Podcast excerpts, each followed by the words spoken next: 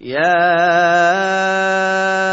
أيها الذين آمنوا كونوا قوامين بالقسط شهداء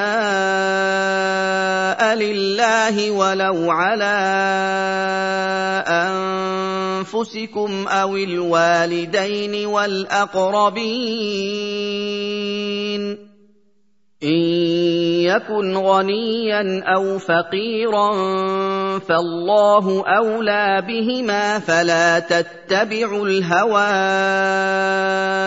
أن تعدلوا وإن تلووا أو تعرضوا فإن الله كان بما تعملون خبيرا. Wahai orang-orang yang beriman kepada Allah dan mengikuti Rasul-Nya, tegakkanlah asas keadilan dalam segala kondisi kalian, dengan menunaikan kesaksian dengan kebenaran terhadap siapa pun, sekalipun hal itu mengharuskan kalian mengakui kebenaran yang merugikan diri kalian sendiri, bapak ibu kalian, atau kerabat kalian. Jangan sampai kecukupan dan kekurangan seseorang mendorong kalian untuk menunaikan atau meninggalkan kesaksian, karena sesungguhnya Allah lebih patut untuk mengurusi si kaya dan si miskin, dan lebih mengetahui kebaikan keduanya. Jangan mengikuti hawa nafsu dalam kesaksian kalian, agar kalian tidak condong dari kebenaran padanya. Jika kalian menyelewengkan kesaksian dengan menunaikannya, tidak sebagaimana mestinya, atau kalian menolak untuk menunaikannya, maka sesungguhnya Allah Maha Mengetahui apa yang kalian perbuat. يا أيها الذين آمنوا آمنوا بالله ورسوله والكتاب الذي نزل على رسوله والكتاب الذي أنزل من قبل ومن يكفر بالله وملائكته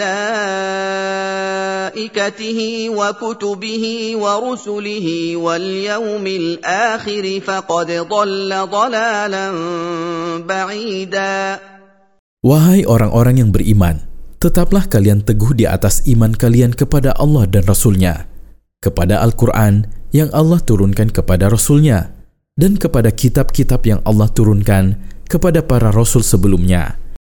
Barang siapa kafir kepada Allah, malaikat-malaikatnya, kitab-kitabnya, para rasulnya, dan hari kiamat, maka sungguh dia telah jauh dari jalan yang lurus sejauh-jauhnya.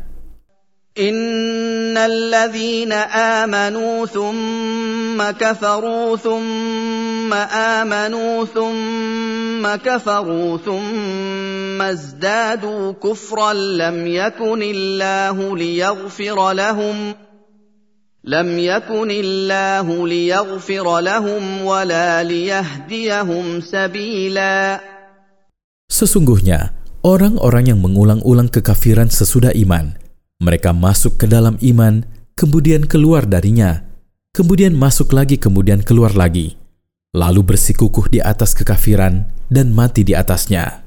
Maka Allah tidak akan mengampuni dosa-dosa mereka dan tidak akan membimbing mereka ke jalan yang lurus, yang menyampaikan mereka kepada Allah Ta'ala. بشر المنافقين بان لهم عذابا اليما Sampaikanlah kabar gembira, wahai Rasul, kepada orang-orang munafik yang menampakkan iman dan menyembunyikan kekafiran, bahwa di sisi Allah pada hari kiamat mereka akan mendapatkan azab yang pedih. الذين يتخذون الكافرين اولياء من دون المؤمنين ايبتغون عندهم العزه فان العزه لله جميعا Azab ini diberikan kepada mereka karena mereka menjadikan orang-orang kafir sebagai penolong dan pendukung dengan mengesampingkan orang-orang mukmin. Yang membuat orang-orang munafik itu melakukan yang demikian sungguh mengherankan. Apakah orang-orang munafik itu mengharapkan pertolongan dan perlindungan dari orang-orang kafir? Padahal perlindungan dan pertolongan hanyalah milik Allah dan dari Allah. وقد نزل عليكم في الكتاب ان اذا سمعتم ايات الله يكفر بها ويستهزا بها فلا تقعدوا معهم فلا تقعدوا معهم حتى يخوضوا في حديث غيره انكم اذا مثلهم ان الله جامع المنافقين والكافرين في جهنم جميعا Dan sungguh, Allah telah menurunkan kepada kalian, wahai orang-orang mukmin di dalam Al-Quranul Karim, bahwa jika kalian duduk di sebuah majelis, dan di sana kalian mendengar orang yang kafir kepada ayat-ayat Allah dan memperolok-olokkannya, maka kalian tidak boleh tetap duduk bersama mereka. Kalian harus meninggalkan majelis tersebut, sehingga mereka mengalihkan perbincangan pada topik lain yang bukan merupakan kekafiran kepada ayat-ayat Allah dan memperolok-oloknya. Karena jika kalian tetap duduk bersama mereka, padahal mereka kafir kepada ayat-ayat Allah dan memperolok-oloknya, sesudah kalian mendengar larangan ini, maka kalian sama dengan mereka dalam menyelisihi perintah Allah. Karena kalian mendurhakai Allah dengan duduk bersama mereka, sebagaimana mereka mendurhakai Allah dengan kufur kepadanya. Sesungguhnya, Allah akan mengumpulkan orang-orang munafik yang menampakkan keislaman dan menyembunyikan kekafiran bersama orang-orang kafir di dalam neraka jahanam pada hari kiamat. Faidah dari ayat-ayat di atas.